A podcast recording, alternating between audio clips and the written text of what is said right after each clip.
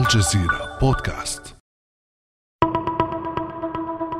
تخيل مباراة لكرة القدم تجري بين فريق قوي يهاجم بشراسة فيما يكتفي الفريق المنافس بالدفاع.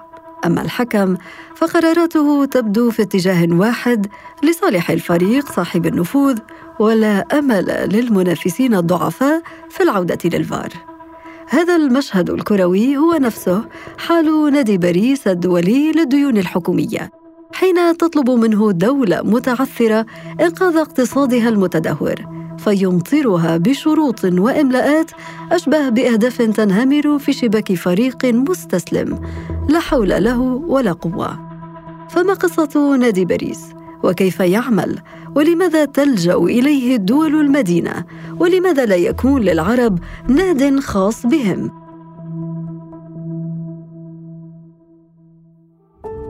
بعد أمس من الجزيرة بودكاست أنا أمال العريسي. وأسعد في هذه الحلقة باستضافة صديق البرنامج الزميل محمد أفزاز. أهلا وسهلا بك أستاذ محمد. أهلا وسهلا بك وبالمستمعين الكرام.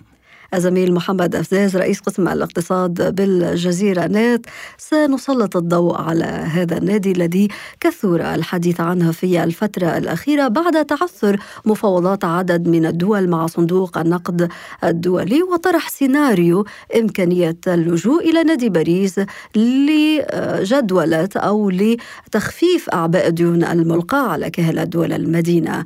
فقبل أن نبدأ الحديث عن فكرة نادي باريس كيف جاءت طريقة عمله؟ آه، هل ذهبت إلى نادي باريس في فرنسا أستاذ محمد؟ الحقيقة ذهبت إلى باريس لكنه لم يكن لي شرف أن أدخل إلى هذه المؤسسة الضخمة. وبالمناسبة أثارتني كثيرا المقدمة التي استهليت بها هذا البرنامج عندما ربطت كرة القدم بالاقتصاد. وأنا أبحث أو أسأل الذكاء الاصطناعي ChatGPT سألته مثلا آه، ما الذي يعرفه عن نادي باريس للدائنين الكبار؟ فأجابني بانه نادي باريس سان جيرمان هو كذا والمعلومات الخاصة بكرة القدم. سألته مرة أخرى آه، سيدي آه، أنا أسألك عن نادي باريس للدائنين. فيجيبني مرة أخرى عن تفاصيل عن نادي باريس سان جيرمان لكرة القدم وأشياء من هذا القبيل. هو الحقيقة أستاذ محمد لا وجود الاختلاف كبير. آه، بالنسبة ل ChatGPT الإجابة قد تكون في جزء منها صحيحة. نادي باريس سان جيرمان يجمع ألمع نجوم كرة القدم في العالم ونادي باريس للديون الحكومية. هو أيضا يجمع أكبر الدول التي تتحكم في الدول المدينة. فما قصة هذا النادي أستاذ محمد؟ آه نادي باريس آه تأسس في العام 1956 آه يضم كبار الدائنين على مستوى العالم ويمثلهم مندوبون عن اقتصادات العظمى والاقتصادات الكبرى على مستوى العالم في مقدمتهم الولايات المتحدة الأمريكية فرنسا أستراليا كندا إلى غير ذلك لكنه تجمع غير رسمي بمعنى أنه ليس لديه قوانين آه، منظمة وتشريعات على غرار صندوق النقد الدولي أو البنك الدولي. آه، لديه أيضا اجتماعات دورية تقريبا كل شهر بمعنى أنه يعقد أكثر من 10 إلى 11 لقاء آه، في السنة. وهذا يتناسب ويضطرد مع حجم الأزمات أزمات الديون التي تعيشها العديد من الدول على مستوى العالم لأننا نتحدث عن أرقام كبيرة وكبيرة جدا في حدود 300 تريليون دولار على مستوى العالم كتراكم للديون للدول وللحكومات وللأفراد وللأسر. هناك تقريبا 22 دولة عضوة في هذا النادي. هناك طبعا أعضاء مراقبين خارج هذه ومؤسسات خارج هذا النادي. هذه المؤسسة تنظر في وضع الديون الخارجية للدول وتنظر أيضا في إعادة جدولة هذه الديون ولربما الحديث أيضا عن شطب هذه الديون كما حصل بالنسبة للعراق في فترة من الفترات وقبل سنتين كما حصل بالنسبة للسودان. إذا أنت قلت أستاذ محمد أن هذا النادي ليس له آه، قانون أو تشريعات تنظم عمله والنظر في كل هذه الديون المتعلقة بالدول التي تلجأ لنادي باريس. فماذا عن الهيكلة؟ آه، طبعا آه، الهيكلة نتحدث عن رئيسه. يتقلد هذا المنصب مسؤول كبير ورفيع في آه، الحكومة الفرنسية أو المؤسسات التابعة للحكومة الفرنسية وخاصة الخزانة أو وزارة الخزانة الفرنسية وزارة المالية الفرنسية وأيضا نوابه أيضا من داخل فرنسا. ولكن باقي الأعضاء يمثلون من خلال هذه الدول الكبرى. وأيضا تحضر عدد من المؤسسات ودول بصفتها مراقبين وليس كأعضاء دائمين. وهذا الأمر تحكمه طبعا طبيعة الدولة التي يتم التفاوض معها لجدوله ديونها أو شطبها بمعنى أنه بعض الاجتماعات تكون حصرا على الأعضاء الدائمين اللي هي الاقتصاديات الكبرى والدول الكبرى وبعض الاجتماعات قد تحضر فيها عدد من الدول التي قد تكون أعضاء دائنة وطرف في هذه الديون لمناقشة تفاصيل المديونية الخاصة بكل دولة على حدة وهذه الاجتماعات لطالما تحدث عنها الخبراء بأنه يكتنفها النوع من الغموض فكيف يعمل وما حاجة الدول المدينة له؟ الحقيقة تلجأ الدول إلى نادي باريس باعتباره الملاذ الأخير قبل الإعلان عن حالة الإفلاس أو التعثر عن سداد الديون. بمعنى أن الدول تكون قد انخرطت في عدد من آه، آه، المسارات الخاصة بالديون مع صندوق النقد الدولي مع مؤسسات مالية أخرى خاصة أو حكومية أو عدد من الدول. ولكن تلجأ لنادي باريس عندما تجد نفسها في تعثر حقيقي لدفع هذه الديون أو ربما تحتاج إلى من يسندها أو يساندها لإعادة جدولة الديون أو لربما طلب شطب هذه الديون عندما تكون عندما يكون حجمها كبير جدا جدا جدا خاصة عندما يتعلق الأمر بدول مثل العراق في لحظة من اللحظات وأيضا بالنسبة للسودان وأيضا بالنسبة لسريلانكا في الوقت الحالي وربما لبنان وربما عدد من الحالات الأخرى. هناك صندوق النقد الدولي أستاذ محمد فهل هناك تقاطع بين المؤسستين أم كل منهما يعمل على حدة؟ صندوق النقد الدولي هو الذي يرفع تقارير الخاصة بهذه الدول إلى نادي باريس للنظر فيها بناء على الاستشارات التي قدمها صندوق النقد الدولي إذا لا يمكن أن نتصور أن أي دولة يمكن أن تلجأ إلى نادي الدائنين الكبار إلا عندما يقدم صندوق النقد الدولي آه، تقريرا مفصلا على حالة هذه الدولة التي تحتاج إلى إعادة جدولة ديونها في علاقتها مع الدائنين الكبار لأن هؤلاء الدائنون سيكونون أطراف في عملية التفاوض مع هذه الدولة. هذه الدولة لابد أن تكون عضوا في صندوق النقد الدولي حتى تستفيد من هذا الانتقال من صندوق النقد الدولي إلى نادي باريس. قبل جدولة الديون مع هذا النادي تكون قد مرت بالعديد من الإجراءات التقشفية وطبقت العديد من المسارات الإصلاحات. بمعنى أنه لا يمكن نتصور أن دولة يمكن تلجأ إلى نادي باريس أو أن يقبل بالتفاوض مع أو الجلوس معها للنظر في حجم آه، ديونها إلا إذا كان قد آه، خضع فعلا إلى العديد من الإجراءات التقشفية داخل البلد ودخل في مفاوضات سابقة مع صندوق النقد الدولي وطبق العديد من الإجراءات الإصلاحية داخل بلده. بالتالي لماذا برأيك آه، أستاذ محمد يحذر الخبراء من سيناريو اللجوء لنادي باريس؟ وكيف يستمد نادي باريس كل هذا النفوذ يعني؟ طيب تكمن خطورة اللجوء إلى نادي باريس بالنسبة للدول باعتباره الملاذ الأخير بأنه آه، ربما يسيء إلى سمعة هذا البلد من الناحية الاقتصادية ومن الناحية المالية يهدد هذا البلد بإمكانية تراجع تصنيفه الائتماني لأن عندما تلجأ دولة معينة إلى نادي باريس يعني ذلك أن هذه الدولة إما أنها عاجزة عن سداد ديونها وإما قاب قوسين أن تعلن عن إفلاسها وهذا الأمر يدق جرس إنذار بالنسبة للمؤسسات المالية الدولية سواء الخاصة منها أو الحكومية. ويشير إلى أن هذه الدولة ربما قد وصلت إلى القاع وأنها غير قادرة على سداد ديونها. وعندما تكون غير قادرة على سداد ديونها فإن ذلك يؤثر على تصنيفها الائتماني وعلى قدرتها على الولوج إلى أسواق المال ومن ثم الاستدانة ثانية وثالثة من هذه الأسواق. بمعنى أنه كلما آه، لجأت هذه الدول إلى نادي باريس كلما آه، تم تخفيض تصنيفها مثلا من AA إلى BB أو إلى CC أو أقل من ذلك. إذا تكمن هذه الخطورة بأنه إذا إذا قلنا مثلا أن حصول دولة معينة على خط ائتمان بالنسبة لصندوق النقد الدولي يعطي إشارة إيجابية أن هذه الدولة جادة في التعاطي مع جدولة ديونها فإن اللجوء بالمقابل إلى نادي باريس يعطي انطباع سلبي لدى الممولين لدى المقرضين على مستوى العالم بأن هذه الدولة ربما قد لا تستطيع جدولة ديونها وقد لا تستطيع أن تدبر ديونها والفوائد المترتبة على هذه الديون. أيضا كما قلنا تهدد بتراجع ثقة المؤسسات الدولية بجدية هذه الدولة في التعاطي مع ديونها وأيضا على قدرتها في إدارة دفة الاقتصاد داخل هذا البلد وأيضا وهذا الأخطر دفة أصولها وإدارة أصولها المحلية. إذا أكثر من زاوية يمكن أن نقول أنها بالفعل تؤشر و يعني تدق جرس إنذار بالنسبة لهذه الدولة مقارنة مع دول أخرى. ولكن في بعض الحالات أستاذ محمد يتحول نادي باريس إلى قدر لا مفر منه بالنسبة لعدد من الدول. خاصة منها الدول العربية المدينة والشيطان كما يقال يكمن في التفاصيل. حدثنا عن بعض هذه الحالات. طيب لو قلنا بأن نادي باريس هو تجمع لكبار الدائنين على مستوى العالم بمعنى كبار الاقتصادات على مستوى العالم نفهم بأنه ليس من اليسير على آه، هذه الدول أن تمنح قروض بالمجان. هذه الدول تمنح هذه القروض لكي تستفيد من الأرباح المترتبة على هذه الفوائد.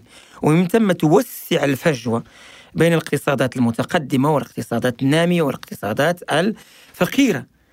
عندما تعجز هذه الدول عن دفع هذه الديون وخدمات الدين بمعنى أن هذه الدول تكون مرتاحة جدا على أن الفجوة تتزايد يوما عن يوم وسنة عن سنة. إذا لا يمكن أن نتخيل أن هذه الدول تعطي آه، هذه الديون بالمجان وإنما بناء على أجندات اقتصادية في المقام الأول عفوا أجندات سياسية في المقام الثاني وبمدى قرب هذه الدولة من الدول العظمى أو بعدها. بمعنى لو عدنا إلى التاريخ سنجد أن هذا النادي قد شطب أو أعاد جدولة ديون مصر لأنه انخرط في الحرب على العراق.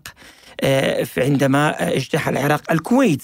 شطب ديون السودان عندما آه، تم إسقاط نظام آه، البشير. اذا العديد من الاجندات السياسية تكون محفز لنادي آه، كبار الدائنين حتى تشطب أو تقدم آه، هدايا لمثل هذه الدول التي تتعثر في الدين. بالمقابل نجد هدايا على ملغومة يعني يا بالضبط هدايا ملغومة تنطوي على مخاطر سياسية وعلى مخاطر اقتصادية.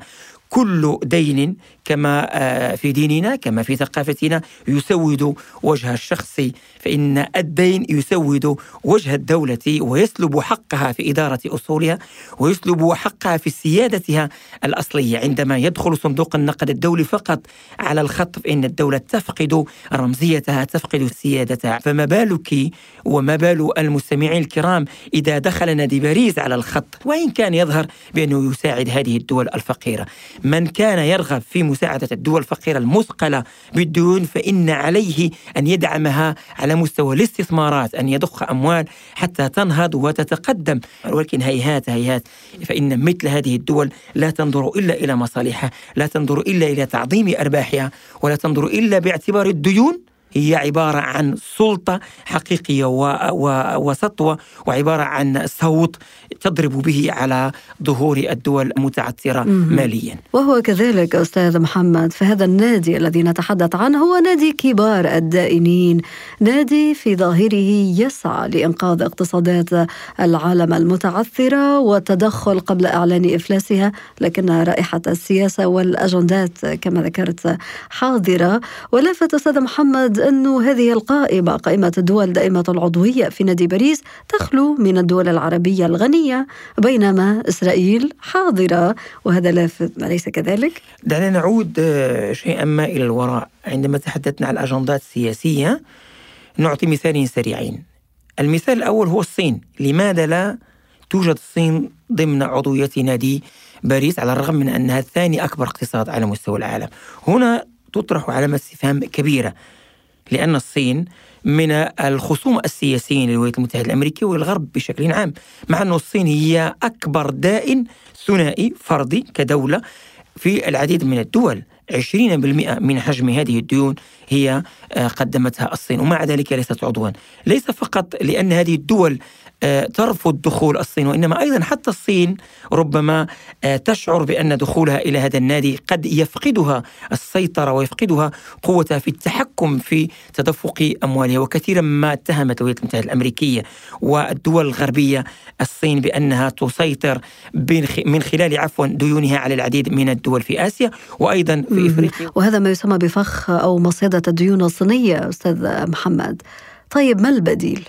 أعتقد أن هناك كما قلت العديد من البدائل التي يمكن إن كانت إن كان الغرب وإن كان نادي باريس آه، آه، صاحب نية حسنة لابد أن يضخ أموال واستثمارات وأن يستبدل هذه الديون باستثمارات داخل هذه البلدان أو أن يشطب جزءا منها إن كان آه، يعني يشعر بأن هذه الدولة الدولة أو أو دول أخرى ربما تعثرت وستعلن افلاسا لأن هذا الأمر سيؤثر على الاقتصاد العالمي بشكل عام. الرقم 500 مليار دولار وهو الحجم الذي قدمه نادي باريس منذ نشأته في العام 1956 يدلل على أن هذا النادي لا يقدم الكثير بالنسبة للدول الفقيرة. حجم الديون على مستوى العالم كما ذكرت 300 تريليون دولار وليس نصف مليار دولار. إذا حجم القرارات السياسية وحجم الأجندات السياسية أكبر بكثير من حجم الأموال التي يقدمها نادي باريس بالنسبة للدول المتعثرة. عندما نتحدث عن المنطقة العربية نجد أن الدول التي تملك أموال وأريحية على مستوى الوضعية المالية كما هو الحال بالنسبة لدول الخليج لا تستخدم إلا كمحافظ نقود بالنسبة لهذه الدول سواء بالنسبة للأزمة المالية. تذكرنا في الأزمة المالية عام 2008 لم يتم الاستنجاد عفوا بهذه الدول إلا لأنها كانت تتمتع بأموال كبيرة وكبيرة جدا فطلب طلب منها عفوا أن تضخ أموال في الاقتصاد الأوروبي وفي الولايات المتحدة الأمريكية لأنه عزت الأموال في الغرب وحضرت الأموال عند العرب. لكن بالنهاية حجم الأموال التي تتوفر لدى الدول العربية التي تتمتع بأريحية مالية لا يوازي ال ال ال القرارات السياسية أو حجم الضغط السياسي الذي يمكن أن تمارسه مثل هذه الدول حتى تنال عضوية نادي باريس. إذا النادي إن شئنا نقول أنه نادي مغلق للكبار لا يسمح بدخول للآخرين كما هو الشأن بالنسبة للاقتصادات العالمية.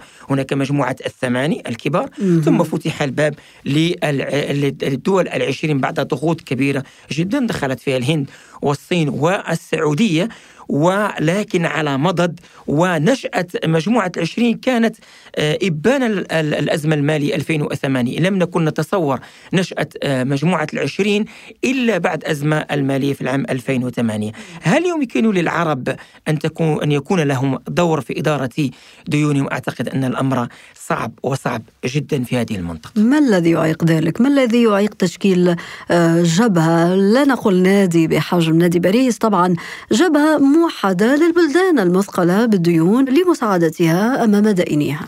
المنطقة العربية جسم ممزق خلافات سياسية عميقة حتى بين الحدود حتى بين الدول التي تقع على الحدود مع بعضها البعض خلافات لا يمكن أن تنتهي. وعندما توجد الخلافات السياسية لا يمكن أن نتصور وحدة اقتصادية ولا يمكن أن نتصور وحدة تجارية قوية ولا يمكن أن نتصور تعاون اقتصادي. بل ها أن نتصور تعاونا ماليا لأن التعاون المالي يكون في نهاية مسار أشكال التعاون الأخرى. لابد من تعاون سياسي. ولكن الدول الموجودة في نادي باريس أيضا بينها خلافات. يعني لا يمكن أن ننكر ذلك. هي قوى كبرى تتنافس في آخر المطاف وتوحدت في نادي باريس لمصالحها وأجنداتها أستاذ محمد. ذكرت المصالح. إذا عندما تجتمع المصالح لربما يتم تأجيل الخلافات السياسية كما هو الحال بالنسبة لفرنسا مع ألمانيا تاريخيا لأوروبا مع الولايات المتحدة الأمريكية خصمان وهنا أذكر أنه دائما ما كانت الصين والولايات المتحدة الأمريكية خصمان سياسيان كبيران ولكن في نفس الوقت أكبر اقتصادان على مستوى العالم وأكبر شريكان تجاريان على مستوى العالم. دائما ما كنت أقول بأنه إذا كان من دولة تمني نفسها بأن تسقط الولايات المتحدة الأمريكية حتى تصعد الصين فهي الصين وبكين لكن الصين نفسها ترفع يدها في السماء. تدعو الله ألا تسقط الولايات المتحدة الأمريكية لأن الصين تعي جيدا انها أن سقوط الولايات المتحدة الأمريكية هو سقوط الاقتصاد العالمي ككل بما فيه الصين ولأن الصين هي ثاني مالك للسندات على مستوى العالم. بهذا المنطق يتعامل الغرب فيما بينهم بينما على مستوى المنطقة العربية مثل هذا الذكاء الاقتصادي هذا الذكاء المالي هذا الذكاء السياسي يغيب وتحضر فيه الخلافة السياسية العميقة التي تجعل هذه الدول بعيدة عن تكوين جبهات لكن نأمل نظريا يمكن ذلك لأن آه، هناك العديد من الدول التي لديها أريحية مالية كما هو الحال بالنسبة لدول الخليج التي تقدم بالمناسبة قروضا مجزية وكبيرة جدا للدول العربية الأخرى كما يحصل بالنسبة لدول الخليج مع مع مصر كما حدث مع العديد من الدول العربية. إبان آه، بداية الربيع العربي. اذا هذه الدول لديها بحبوحة مالية وتضع أموالها في العديد من البنوك ولكن ضمن سياق ثنائي دولة إلى دولة فرد إلى فرد وليس كمنظومة اقتصادية. متعاونة أن الخلافات السياسية تظل عميقة وعميقة جدا تحجب التعاون التجاري والاقتصادي. أستاذ محمد في ختام هذه الحلقة أعجبتني العبارة عندما يغيب الذكاء التجاري تصعد الخلافات إلى الواجهة وتحول في المنطقة العربية دون تشكيل جبهة موحدة للبلدان المثقلة بالديون. فلابد أيضا أن نشير في الختام لناد آخر موجود هو نادي للديون التجارية وهو نادي لندن. نادي لندن ونوادي أخرى وتكتلات للاقتصاديات المتقدمة على أكثر من مستوى غرضها السيطرة أو الرغبة في السيطرة على مقدرات الشعوب والدول وخاصة في المنطقة العربية التي آه، لا تنظر فيها الموارد ولا الإمكانيات المالية وإنما تتوسع فيها الخلافات التي تحجب كما قلت الرؤية الاقتصادية والتجارية الثاقبة أو الذكاء الاقتصادي إن شئت. والجميل أستاذ محمد أننا في هذه الحلقة بدأنا بالحديث عن الذكاء الاصطناعي وانهيناها بالحديث عن الذكاء التجاري والاقتصادي. الزميل محمد أفزاز رئيس قسم الاقتصاد بالجزيرة نت شكرا جزيلا لك على هذه الحلقة المفيدة والممتعة. شكرا لك وللمستمعين الكرام. نسعد دائما بلقائك أستاذ محمد. كان هذا بعد أمس.